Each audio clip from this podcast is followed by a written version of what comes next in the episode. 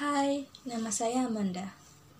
Pada kesempatan kali ini, saya akan membacakan sebuah tulisan karya Bapak Khalil Gibran yang berjudul Alam dan Manusia. Langsung saja ya, saya bacakan. Alam dan Manusia Aku mendengar anak sungai merintih bagai seorang janda yang menangis meretapi kematian anaknya. Dan aku kemudian bertanya, Mengapa engkau menangis sungaiku yang jernih? Lalu sungai itu pun menjawab, Sebab aku dipaksa mengalir ke kota tempat manusia merendahkan dan mensia-siakan diriku, dan menjadikanku minuman-minuman keras. Mereka juga memperalatku bagai pembersih sampah, meracuni kemurnianku, dan mengubah sifat-sifatku yang baik menjadi sifat-sifat buruk.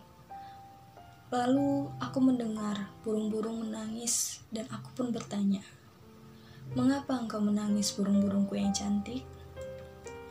Dan salah satu dari burung itu pun terbang mendekatiku. Lalu dia hinggap di ujung sebuah cabang pohon dan berkata, Anak-anak Adam akan segera datang di ladang ini dengan membawa senjata-senjata pembunuh dan menyerang kami seolah-olah kami adalah musuhnya kami sekarang terpisah di antara satu sama yang lain. Sebab kami tidak tahu siapa di antara kami yang bisa selamat dari kejahatan manusia. Ajal pun memburu kami ke mana pun kami pergi. Kini matahari terbit dari balik puncak pergunungan dan menyinari puncak-puncak perpohonan dengan rona mahkotanya. Kupandangi keindahan ini dan aku bertanya kepada diriku sendiri, mengapa manusia mesti menghancurkan segala karya yang telah diciptakan oleh alam?